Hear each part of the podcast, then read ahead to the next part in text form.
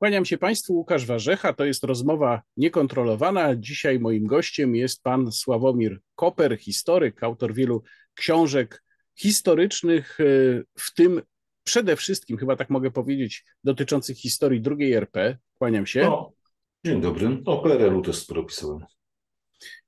A my właśnie będziemy dzisiaj rozmawiać głównie o II RP, a konkretnie o Józefie Piłsudskim i jego dziedzictwie. Do tej rozmowy zainspirowały mnie reakcje moich widzów e, po rocznicy, no powiedzmy, apogeum Bitwy Warszawskiej. Bardzo niektóre takie zapalone komentarze w obronie marszałka albo przeciwko marszałkowi. I dlatego chciałbym zacząć od pytania, które nie dotyczy tamtych czasów, ale czasów dzisiejszych. Czy pańskim zdaniem ten spór dzisiaj jest nadal tak intensywny i wywołuje takie napięcia. Marszałek ma tak fanatycznych zwolenników, a także przeciwników, jak to było w czasach drugiej RP, bo czasem można odnieść takie wrażenie, że to wciąż trwa. Tak, jak najbardziej. Natomiast moim prywatnym zdaniem, ja akurat nie należę ani do fanatycznych zwolenników, ale jestem zwolennikiem marszałka. Na pewno dość trzeźwo patrzę na to. Natomiast prawda jest taka, że cóż, Każda wybitna postać ma swoich przeciwników i zwolenników, a szczególnie tak wybitna jak Piłsudski. Natomiast jak ja patrzę na to, co się dzieje obecnie, jak widzę, kto się odwołuje czasami do tradycji Piłsudskiego, to myślę, że marszałek byłby co najmniej bardzo zdziwiony. No ale tak to jest. Y, wróćmy do czasów II RP, a konkretnie do roku 26. Czy zamach majowy pańskim zdaniem był nieunikniony? Czy dało się rozwiązać sytuację inaczej? Piłsudski nie chciał walki zbrojnej. Myślał, że demonstracja zbrojna wystarczy. Natomiast poszło jak poszło. Tylko pozostaje pytanie, czy Piłsudski, a właściwie jego oficerowie, bo to głównie oni bili się o swoją przyszłość z Drescherem na czele, bo Piłsudski prawdopodobnie zakończyłby w razie nieudanego zamachu na w miarę honorowym internowaniu, na przykład sąd polowy, e, czy przypadkiem oni nie uprzedzili zamachu endeckiego? Kto wie? Szczerze mówiąc, nie ukrywajmy, demokracja parlamentarna do 26 roku się kompletnie skompromitowała. Fatalny system wyborczy, kiedy nie było progów wyborczych.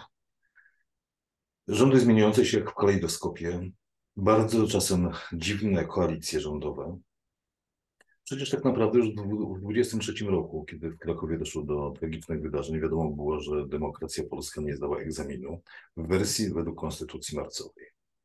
Natomiast czy ten zamek był nieunikniony? W tym momencie podejrzewam, że tak. Myślę, że Piłsudski doskonale zdawał sobie sprawę z faktu, że wybierał zło, ale to było mniejsze zło. Zresztą nawet już później w okresie procesu brzeskiego twierdził, że lepiej połamać kości kilku posłom, niż wyprowadzać karabiny maszynowe na ulicę. I coś w tym było, prawda? Jak najbardziej. Myślę, że ten zamach był nieunikniony po prostu. Wspomniał Pan tutaj o generale Orlicz Drescherze i o tym, że oficerowie bliscy Piłsudskiemu bili się o swoją przyszłość. Czy można postawić taką tezę, że w jakimś stopniu jego otoczenie napędzało tę sytuację? Bo mówi Pan, że sam marszałek chciał uniknąć rozlewu krwi, ale może to było tak, jak często bywa też w dzisiejszych mechanizmach politycznych, że otoczenie miało większe ambicje i tak naprawdę to ono pchało do konfrontacji. No, proszę zwrócić uwagę na urodziny Piłsudskiego. Przecież pojawiło się kilkudziesięciu oficerów z Syjówką w 25 roku, oddając swoje szable marszałkowi. Wiadomo, ktoś musiał dokładnie to napędzać. Sam Piłsudski, on był jednak ostrożnym politykiem. Może spodziewał się w 23 roku, że będzie inaczej, natomiast był politykiem bardzo ostrożnym. Natomiast o tym się mało mówi. Proszę zwrócić uwagę, że tak naprawdę większość Piłsudczyków, która poparła zamach, byli ludzie mocno rozczarowani II Rzeczpospolitą. Wobec nich ja kiedyś użyłem określenia stracone pokolenie. Ludzie, którzy ileś lat spędzili w okopach, wojny, I wojny światowej, w legionach chociażby, potem e, wojna polsko-bolszewicka, zostają bez wykształcenia, bez zawodu i nie chce się ich przyjmować do pracy. Otoczenie jak najbardziej Piłsudski, Piłsudski miał duże poparcie społeczne pojawiał się jako człowiek o czystych rękach, nieskompromitowany żadnymi aferami, a afer było nieprzeciętna, była nieprzeciętna liczba do 26 roku. I w tym momencie, a że otoczenie biło się delikatnie mówiąc o swoją przeszłość, wiadomo, że chociaż była taka sprawa, nie pamiętam tych nazwiska tego generała, chyba Litnik, Lisnik, e, który dokładnie jak przyszli do niego legioniści, on był dowódcą twierdzy Przemyśl i chcieli po prostu obchody 6, e, obchody dokładnie 6 sierpnia, czyli marszu pierwszej kadrowej z Olandrów, to odpowiedział w ten sposób. To tak, panowie, dzisiaj chcecie e, obchody wymarszu pierwszej kadrowej, jutro przyjdą Żydzi z obroną, z obroną Jericha i co ja mam zrobić? No, w każdym razie efekt jest taki, jak oni byli traktowani. Jak byli traktowani, y, wiadomo było, że w tym momencie najwybitniejsi dowódcy Piłsudskiego będą go popierali. Przecież gdyby nie poparcie chociażby Śmigłego Rydza z Wilna, to nie wiadomo, jak ten zamach by się udał. Gdyby nie to, że popierało go PPS, które jednak mimo pamiętało o socjalistycznej przeszłości marszałka, mimo że podobno wysiadł na przystanku Niepodległość z czerwonego autobusu, to e, gdyby kolejarze nie zablokowali e, transportów z Wielkopolski, ten zamach by się nie udał. Inna sprawa, że ja osobiście byłem, jak kiedyś pierwsze czytałem dokumenty, relacje, byłem przerażony poziomem zacietrzewienia w trakcie zamachu majowego. Wydawało mi się, że to będzie walka w miarę honorowa. Ale tutaj na przykład Rozwadowski, generał Rozwadowski polecił e, wziąć szturmując Stadyle i nie brać jeńców. E, generał Zagórski, wiadomo jak e, potoczyły się jego losy, kazał bombardować w ścisłej zabudowie miasta oddziały wierne Piłsudskiemu, a wiadomo, 26 rok na lotnictwo bombowe było w powijakach. No takie rzeczy powiedzmy, z drugiej strony Piłsudczycy ostrzeliwali Belweder artylerią z Zawisły. No więc rzecz, delikatnie mówiąc, no, poziom, poziom powinien zacząć strzewienia. Zresztą, może by to potoczyło się inaczej, gdyby nie minister e, spraw e, wojskowych, generał Maczewski, który pierwszym wziętym do niewoli oficerom e, Piłsudskiego zrywał osobiście poletę. Takich rzeczy się nie robi. Czy ten y, poziom zacietrzewienia, bo to rzeczywiście zaskakujące, myślę, dla wielu to, co pan mówi, czy on też miał swoje odbicie w samym społeczeństwie, no bo to tutaj mówimy o tym, jak się traktowały nawzajem te elity wojskowe, również prowadząc walkę. Natomiast czy to miało odbicie w samym społeczeństwie? Czy, czy była w, w społeczeństwie jakaś grupa ludzi, którzy byli gotowi też bardzo radykalnie bronić y, dotychczasowego rządu i dotychczasowego ustroju? Chyba nie. Chyba nie, delikatnie mówiąc. Wszyscy byli rozczarowani. Proszę zwrócić uwagę, pięć lat demokracji, i są wszyscy rozczarowani. To panu coś nie przypomina delikatnie mówiąc, także to trochę dłużej trwało, ale mają dosyć demokracji chwilami, powiedzmy. Natomiast pięć lat demokracji parlamentarnej i wszyscy są rozczarowani, więc mówię, społeczeństwo oczekiwało zmiany. Oczekiwało zmiany, tym bardziej, że jeszcze nie ukrywamy, w międzyczasie była hiperinflacja, kryzys gospodarczy. Natomiast no tu już tak wybiegając trochę w przyszłość, na, kiedy Piłsudski przejmuje władzę, akurat zmienia się koniunktura gospodarcza i nagle zaczyna się to wszystko ładnie wyglądać. Przypadek zupełnie oczywiście, ale z przypadków składa się życie. A wspomniał Pan jeszcze wcześniej o tym, że być może zamach majowy uprzedził zamach endecki. Jakie mamy przesłanki, żeby y, stawiać taką tezę, że mogło dojść do zamachu ze strony tej drugiej, y, z drugiej strony rywalizacji y, sceny politycznej. Na pewno nie doszłoby do zamachu komunistycznego, stwierdzili za niektórzy. Natomiast efekt jest taki, że endecja dążyła zdecydowanie do władzy. Nie ukrywajmy, tam też było trochę ludzi, nazwijmy to, w gorącej wodzie kąpanych, nie określę mocniej. Natomiast im też, powiedzmy, e, demokracja parlamentarna stwarzała problemy. Poza tym nie chcieli się dogadywać z Witosem. Zresztą mało kto się chciał dogadywać z Witosem. Witos miał, delikatnie mówiąc, trudny charakter. Nie, nie, nie mówiąc jego, przepraszam bardzo, muszę odrzucić. E, przepraszam, zapomniałem włączyć telefon. E, miał delikatnie mówiąc trudny charakter, natomiast dowodów specjalnych na to nie ma. Ale biorąc pod uwagę, jak później zachowywała się endecja, nie jest to wykluczone. Ja przynajmniej takich dowodów nie znam bezpośrednich. Natomiast no proszę zwrócić uwagę, Endecja miała duże poparcie w społeczeństwie. Bardzo duże. Przecież wygrywała wybory tak naprawdę. Cała zachodnia Polska z Wielkopolską na czele była endecka. Na pewno, oczywiście nie, nie powiemy nic na ten temat. Będą historycy dalej pisali pracę, dalej, dalej pisali książki, dalej pisali swoje przyczynki do sprawy. Natomiast ja osobiście uważam, że niewykluczony był po prostu zamach endecki. A Kiedy, czy na to czy na to y, mógł mieć jakiś wpływ, jaki miał w ogóle wtedy jeszcze Roman Dmowski? Ha. Powiem tak, y, w tej chwili zrobię sobie jeszcze więcej wrogów niż mam, ale kiedyś chciałem napisać taką książkę, jeden ze swoich współautorów. Roman Dmowski, teoretyk, który spieprzył wszystko. Przepraszam za słownictwo, ale taka jest prawda. On był znakomitym teoretykiem, ale z politykiem realnym nie był. Dziwnego, że zaczęto go izolować, natomiast nie e, zmienia to faktu, że to był wybitny polityk, wybitny teoretyk, który, dla, który szczerze kochał Polskę.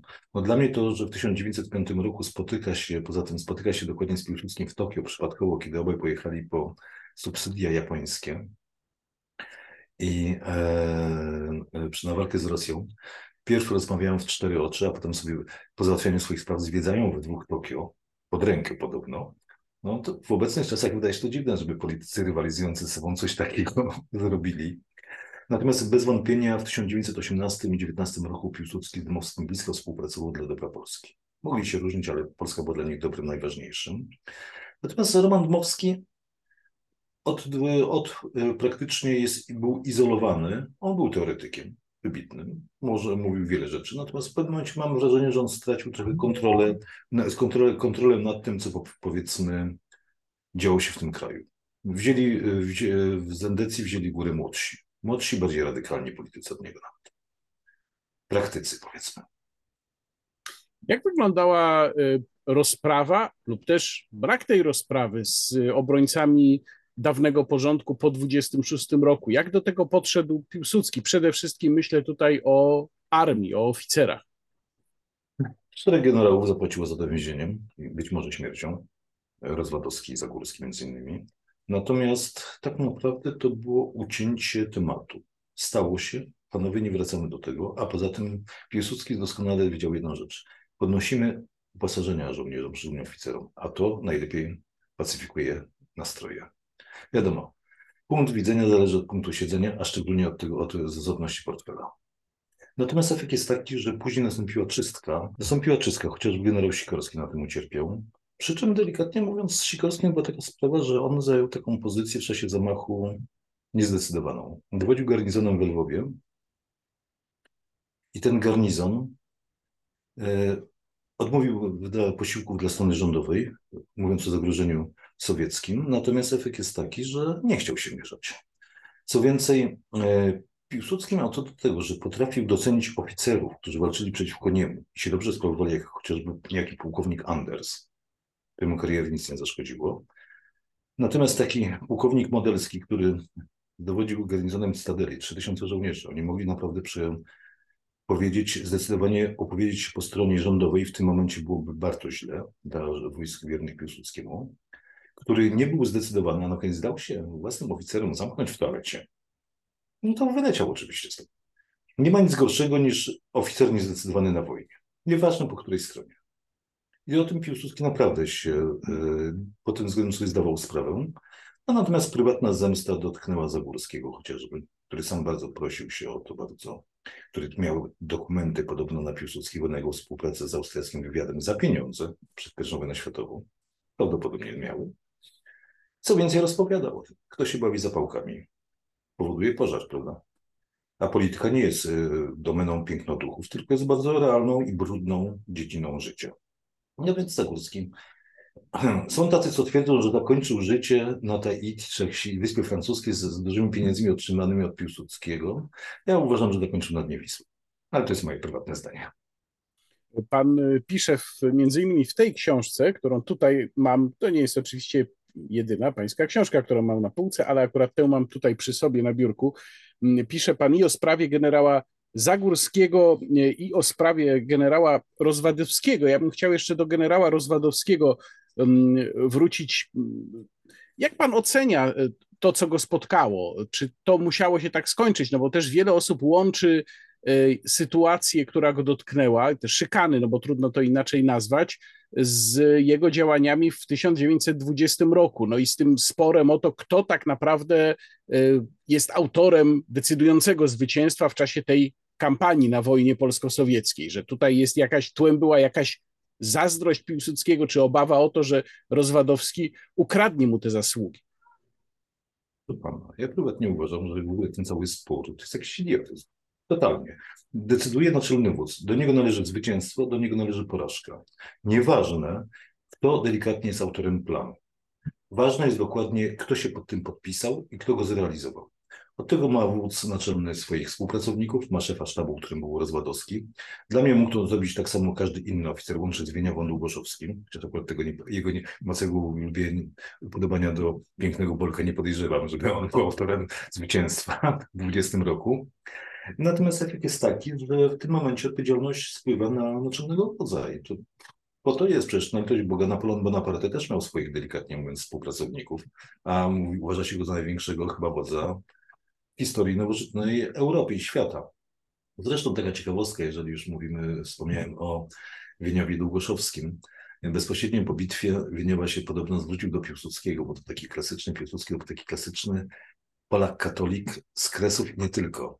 I zwrócił się z taką uwagą, że może byśmy pojechali do Częstochowy podziękować panience Częstochowskiej za zwycięstwo. Na to Piłsudski podobno, podobno odparł. No nie mogę do Częstochowskiej, bo się na mnie Ostrobramska obrazi.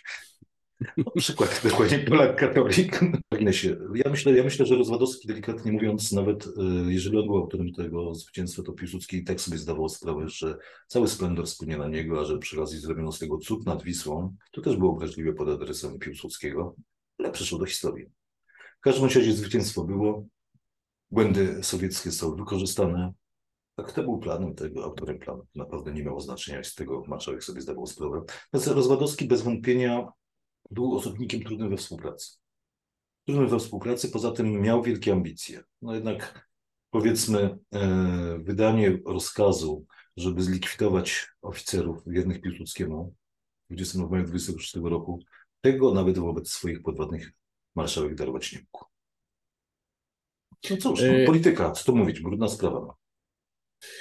Do jakiego stopnia to, co nastąpiło po 26 roku, można nazwać rządami autorytarnymi, jak to się miało, jak to wyglądało na tle innych rządów, które wówczas w Europie e, panowały? Powiem wprost, to była dyktatura. No, u nas, bo z wielbicieli Piłsudskiego słowo dyktator nie pasuje, ale to była dyktatura po prostu. Bez, e, bez Piłsudskiego, e, bez jego opinii nic nie mogło zdarzyć. Piłsudski miał powiedzmy kilkunastu najbliższych współpracowników, powiedzmy wykonawców swojej woli, którzy kolejno zajmowali nawet stanowiska ministerialne i stanowisko premiera. Natomiast tak naprawdę bez jego dokładnie zdania nic się nie mogło w tym kraju wydarzyć. Co dobrze. I bardzo dobrze, delikatnie mówiąc, bo szczerze mówiąc, demokracja parlamentarna się nie sprawdziła z takich czy innych względów. Natomiast mnie osobiście Piłsudski zadziwiał ze swoim takim, powiedzmy, zmysłem geopolitycznym. Podobno, podobno podkreślam, ale w 1913 roku mówił, że nadchodzi wielka wojna, w której Niemcy pokonają Rosję, później upadną pod e, e, uderzeniem Francji i Anglii i może Ameryki, a wszystko skończy się w Rosji rewolucją na niespotkaną skalę. Jeżeli to jest prawda, to był geniusz. Ale wiem na pewno, że w 1934 roku po zawarciu paktu nieagresji z Niemcami, a wcześniej z Sowietami, stwierdził, że teraz mamy 5 lat spokoju w 1934 roku od Niemiec. Bo ze względu na te zmiany, które tam zachodzą, to nie wiadomo, co będzie za pięć lat. Genialny człowiek. Natomiast czy coś by zmieniło w 1939, gdyby żył dalej? Raczej wątpię. Y, jeszcze wracając do kwestii tego, jaki to był ustrój, to w swoich książkach pan opisuje nie tylko te historie generałów Rozwadowskiego czy y, Zagórskiego, ale także wszystkie te najbardziej znane fakty, których było oczywiście dużo więcej. Mam na myśli takie jak pobicie Dołęgi Mostowicza, pobicie posła y, Zdziechowskiego, y, proces brzeski, y, wszystkie te sprawy, które, no tak, o których tak się dosyć mało chętnie dzisiaj mówi. Czy to też musiało tak wyglądać? Czy to były inicjatywy Piłsudskiego? Czy to były inicjatywy jego ludzi, o których on wolał nie wiedzieć, może je aprobował, może po cichu przyzwalał? Jak to wyglądało? Ja myślę, że na przykład o Zagórskiego, to kazał załatwić sprawę. Akurat załatwiono tak, nie inaczej. Tak samo uciszyć paru innych. Chociażby do Mostowicza. On stworzył w ten sposób znakomitego pisarza przy okazji. Z, niezłego dziennikarza, znakomitego pisarza, więc można powiedzieć, że ma zasługę dla polskiej literatury. Natomiast moim prywatnym zdaniem E, Piłsudski nie musiał wszystkim wiedzieć, bo przecież wiadomo, że nie chodzi i nie dogląda wszystkiego. Natomiast wystarczyło, że dawał jakieś tam ogólne zarysy, a zresztą zajmowali się jego podwładni. No, prywatnie powiem, że ja osobiście uważam, że jak na poziom rządów autorytarnych, rządów powiedzmy dyktatorskich, to jak Polska była krajem w Europie wyjątkowym. Proszę zwrócić uwagę. E, do Brześcia posłowie trafili po wygaśnięciu immunitetu. W Europie się takimi rzeczami nie przejmowano, na przykład w Niemczech czy w Związku Sowieckim, prawda? Czy nawet w innych krajach. Wygasł immunitet, wtedy można ich aresztować. To też o czym świadczy. To o czym świadczy, natomiast moim prywatnym zdaniem mam wrażenie, że no, w pewnym momencie Piłsudski był zniechęcony do tego wszystkiego. Tego wszystkiego był zniechęcony, myślał, myślał, że to będzie łatwiej. Natomiast ja pamiętam taką sytuację, rozmawiał wtedy dokładnie chyba któryś z posłów brzeskich z Brześcia, chyba Liberman z kimś mówiąc, że w czasach austriackich była, był większy porządek, jak był, jak był aresztowany. Natomiast tutaj nagle okazuje się, że mamy Polskę i on siedzi w polskim więzieniu. Natomiast jak po procesie brzeskim zaczęli niektórzy posłowie e, skazani wracać, Jeden z nich, nie będą tych nazwiska, trafił do więzienia na Rakowieckiej, wprawiając w osłupienie komendanta więzienia, który powiedział, że to jest najgorszy rodzaj więźnia. Dzisiaj tutaj siedzi, a jutro może być ministrem. I co ja mam, co ja mam zrobić? Co ja mam zrobić? Natomiast prawda jest taka, że o tym się też mało mówi. Na początku, nasz, teraz chyba w pierwszej dekadzie XXI wieku, posłowie PSL usiłowali doprowadzić do rewizji e, procesu brzeskiego. I okazało się, że zgodnie z obowiązującym prawem w czasach II Rzeczpospolitej tej rewizji przeprowadzić nie można, bo całe postępowanie było zgodne z prawem. No tutaj muszę tylko dodać, dodać, że kasacja została w końcu uwzględniona w maju tego roku. Ach, różne rzeczy się robi po czasie, prawda? Natomiast efekt jest taki, że tak naprawdę centrole usiłował przywrócić porządek konstytucyjny. No tak, ale co w takim razie z tymi osobami, które znalazły się w Brześciu, a które nie miały związków z lewicą, no bo proces brzeski przecież nie dotyczył tylko lewicy. Gdzie bywa się rąbie jazz Gillesem, prawda? No to zdarzają się także różnego rodzaju pomyłki. Poza tym powiedzmy, nie tyle może zastraszenie nie, trochę społeczeństwa, znaczy opozycji, czasem się przydaje. Piłsudski był jednak politykiem przecież. Jego no tutaj, no tutaj pewien, pewien, jakby to powiedzieć, taki, taki niesmak czy, czy, czy, czy protest, y, odruch protestu może wywołać to, że w, wśród aresztowanych znalazł się Wincenty Witos. I tutaj pytanie o potraktowanie przez Piłsudskiego osób takich jak Witos właśnie, czy jak Korfanty, czyli tych, którzy mieli ogromne zasługi dla mm, niepodległej Rzeczypospolitej, czy dla odtworzenia niepodległości Rzeczypospolitej, no a potem byli traktowani jednak y, no, no bardzo źle. Tego mi żal. Witos jakoś Jakoś nie przypadałem nigdy za Witosem, ale to jest moje prywatne zdanie na ten temat. Natomiast bez wątpienia powiem wprost, że no to jest polityka. No polityka jest brudną grą. Jest brudną grą. W pewnym momencie dochodzi do sytuacji albo my, albo oni.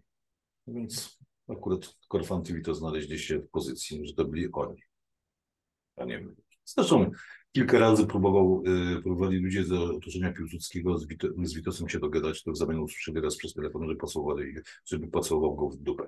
No więc chyba do, nie, nie pamiętam, kto powiedział, do Zengrama, chyba do któregoś z No Witos też ma swoje, nazwijmy to, rzeczy, nie sumienie za uszami. Zastanawiam się, jak to... Zatem pamiętajmy przede wszystkim, że 23 rok to był rząd Witosa, który kazał strzelać żołnierzom do Krakowie. Rząd Witosa jak najbardziej.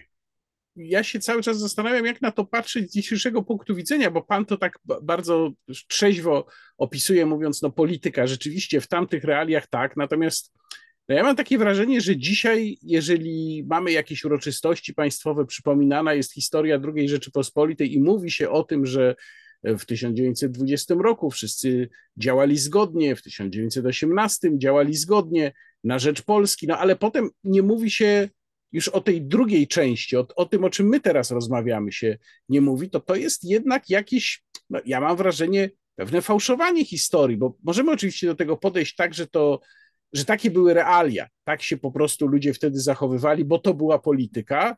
Natomiast jeżeli próbujemy stworzyć jakiś mm, jakąś mitologię drugiej RP, no to jak pogodzić to, że mamy te osoby o wielkich zasługach, takie, takie właśnie jak Korfanty czy Witos, z tym, że oni, powiem, siedzieli w więzieniu, czy byli szykanowani, czy byli wyrzucani z Polski? Znaczy, to pierwszy przypadek, że ludzie mający wielkie zasługi dla Polski siedzieli w więzieniu. Ja mówię o PRL-u chociażby, prawda? No, ale prawda jest taka, że teoretycznie, znaczy nigdy, znaczy druga Rzeczpospolita nie była mimo wszystko krajem do końca demokratycznym od 26 roku. Rządy dyktatorskie Piłsudskiego były. W związku z tym demokracja, ówczesna demokracja powiedzmy miała swoje, jak to się mawia o pewnych klasach, plusy dodatnie i plusy ujemne. Plusem ujemnym bez wątpienia było to, że właśnie Witos musiał wylądować na emigracji. Korfanty również i korfanty z marszem, dość podejrzanych okolicznościach według mnie. Natomiast gloryfikujemy drugą Rzeczpospolitą, a to nie był kraj taki do końca. To był jeden z bardziej udanych krajów, powiedzmy europejskich, biorąc pod uwagę, że sam moment startu to był od, nie od zera, minus 10, że takiego eksperymentu nie było w dziejach Europy, że powstaje po 150 latach państwo złożone z trzech oddzielnych fragmentów i to w państwie, państwo funkcjonuje. Natomiast cóż, polityka ma nie jedno imię, historia też ma nie jedno imię. Myślę delikatnie mówiąc, że jeżeli ktoś będzie chciał gloryfikować drugą Rzeczpospolitą, to niech gloryfikuje, ale niech pamięta o tym, że tam nie wszystko było tak pięknie do końca. No i właśnie, na ile ten system, który Piłsudski stworzył po 26 roku okazał się wydolny. Czy można szukać genezy naszej klęski z 39 roku w tym, jak ten system wyglądał, bo pan tutaj już mówi wprost, że to była dyktatura, mówi pan o tym gronie kilkunastu najbliższych współpracowników Piłsudskiego, z którymi on wszystko uzgadniał i którzy tak naprawdę zarządzali państwem, zmieniając te role. No ale tu jest pytanie, czy tego typu system, zwłaszcza kiedy tego najważniejszego elementu zabrakło, czyli samego Piłsudskiego, czy on mógł dalej wydolnie funkcjonować? Hmm. Bez Piłsudskiego nie. Problemem wybitnych postaci, także dyktatorów, jest brak następcy. On no, potrzebuje wspólnych. Taka postać jak Piłsudski czy inni potrzebowali współpracowników i wykonawców, głównie wykonawców. Znika ten najważniejszy element, nie ma kto przejąć władzę. Ktoś tak ładnie kiedyś napisał, że druga Rzeczpospolita w ogóle nie, że nie było systemu żadnego sanacyjnego. Był tylko Piłsudski, który tak chodził po Polsce, jak po jakimś gospodarstwie z kijem w ręku. A potem był Piłsudski stary i chory, a potem były walki diadoków. Jak to się stało? Jak to się stało? Ten system nie mógł funkcjonować dalej w momencie bez Piłsudskiego. Natomiast, no cóż, przeciwko sojuszowi Niemiec e, z Sowietami nie dał sobie rady nikt. Więc tutaj to, to, to się nie mogło udać. Natomiast faktem jest, że popełniliśmy jakieś polityki, znaczy czy Beck popełnił jakieś błędy w polityce zagranicznej? Pewnie tak. Za bardzo się trzymał wytycznych Piłsudskiego, a Piłsudski, co by nie powiedzieć, to potrafił się dostosować do sytuacji. Beck nie. No to było jak wyszło, jak wyszło. Mówi Pan o Piłsudskim starym i chorym pod koniec tak. życia. Tutaj się pojawia pytanie, na ile Piłsudski właśnie w tych ostatnich latach jeszcze rozumiał sytuację. Są duże wątpliwości dotyczące przyczyn jego śmierci. Tam wiadomo, że był problem z y, przeprowadzeniem sekcji. Przeprowadzano ją w Belwederze na takim y, głównym stole do, w sali zebrań. No, różne takie legendy albo przypuszczenia krążą dziwne. Mm, no, bardzo dziwne. Niektórzy, tak, niektórzy twierdzą, że no, to było zaawansowane stadium choroby wenerycznej. Tak, y, oczywiście. Co my, co my wiemy? Co to, jaki tak naprawdę, na ile, na ile był zdolny Piłsudski umysłowo ogarnąć sytuację w tych ostatnich y, latach swojego życia? Myślę, że ostatnie półtora roku potrafił ogarnąć od 1934 roku raczej pojawiają się relacje o bardzo dziwnych zachowaniach, no, bardzo brutalnych. Piłsudski zresztą bywał wulgarny, bywał brutalny, ale już takie świadczące o chwilach zaćmienia umysłowego. Natomiast przypomniała mi się taka anegdota, że tuż przed wybuchem II wojny światowej na jakimś seansie spirytystycznym wywoływano ducha marszałka. No i uznano, że jednak marszałek się osobiście pojawił, bo, na, bo strasznie naubliżał marszałkowi Śmigłemu, więc uznano, że to na pewno był Piłsudski. Natomiast prawda jest taka, że myślę, że do 1934 roku na pewno Piłsudski potrafił ogarnąć. A potem no, duża choroba. Nieważne, czy zaawansowana choroba nowotworowa, czy zaawansowana choroba weneryczna. Natomiast bez wątpienia już nie był ten sam człowiek. No i ostatnie pytanie, które trzeba zadać, to jest takie, na ile ta nasza dyskusja dzisiaj o historii, o drugiej RP, przede wszystkim o samym Piłsudskim jest y, rzetelna, na ile ona ulega pewnym kliszom, uproszczeniom, a na ile potrafimy rzeczywiście mówić o tym, jak było. Pan tu powiedział wcześniej coś, co wydaje mi się szczególnie ważne, że e, druga RP no, była państwem ze swoimi wadami, że to, to, to, to nie był jakiś świat idealny, ale sam kiedy słucham różnych wypowiedzi, zwłaszcza polityków, mniej może historyków, to mam takie wrażenie, że oni ulegają pokusie, żeby idealizować tamten odcinek naszej przeszłości. Ja nie idealizuję. Nie było państwo idealne, ale państwo bez wątpienia bardzo. Państwo ciekawe. Poza tym była to Polska. Odzyskaliśmy niepodległość po 123 latach. Natomiast efekt jest taki, że obecnie hmm, Mam wrażenie, że historycy, publicyści dzielą się na wielbicieli II RP i przeciwników. Tak samo jak na wielbicieli Piłsudskiego i przeciwników. Brakuje jakiegoś takiego trzeźwego sądu, trzeźwego spojrzenia. Powiedzenia, to było dobre, to było wspaniałe, to było cudowne, a to było B. E, tak jak to mówił Słonimski. Ale pamiętajmy, że Gdynia się buduje. Prawda, że na znak tego dokładnie, że wszystko może być źle, złe, ale Gdynia się buduje. Gdynia była naprawdę wspaniałym osiągnięciem. Centralny okręg przemysłowy też byłby wspaniały. No ale z drugiej strony mieliśmy coś takiego jak bunty chłopskie, czy kresy, które no właśnie piszę teraz książkę o swoich e, podróżach na, między innymi na Białoruś. Tam takie relacje są wcześniejsze też na ten temat. Tam w razie jedne okresy to był poziom Borneo Sumatry, zotyka zupełna. Natomiast i o tym warto pamiętać, że to było państwo ogromnych kontrastów. Z jednej strony wspaniała Warszawa, oczywiście barwna, życie kulturalne niesamowite, a z drugiej strony Polskiem Moczary. I y, myślę, że ci, którzy będą gloryfikowali tylko drugą Rzeczpospolitą, popełniają wielki błąd. Tak samo błąd popełniają ci, którzy ją potępiają w czamy. Prawda leży po środku. Każde państwo ma plusy dodatnie i plusy ujemne. Każda epoka ma plusy dodatnie i plusy ujemne. Pamiętajmy o tym i warto podkreślać to, co było wspaniałe, ale nie zapominajmy o tym, co było złe. Także to, że to ta, tak naprawdę od 26 roku nie była demokracja. Inna sprawa, że moim prywatnym zdaniem ta demokracja wcześniej się skompromitowała. Bardzo dziękuję. Moim dzisiejszym gościem w rozmowie niekontrolowanej był pan Sławomir Koper, historyk i autor książek o historii II RP, także o historii PRL-u. Bardzo dziękuję. Dziękuję bardzo. Kłaniam się Państwu. Łukasz Warzecha, rozmowa niekontrolowana. Do zobaczenia.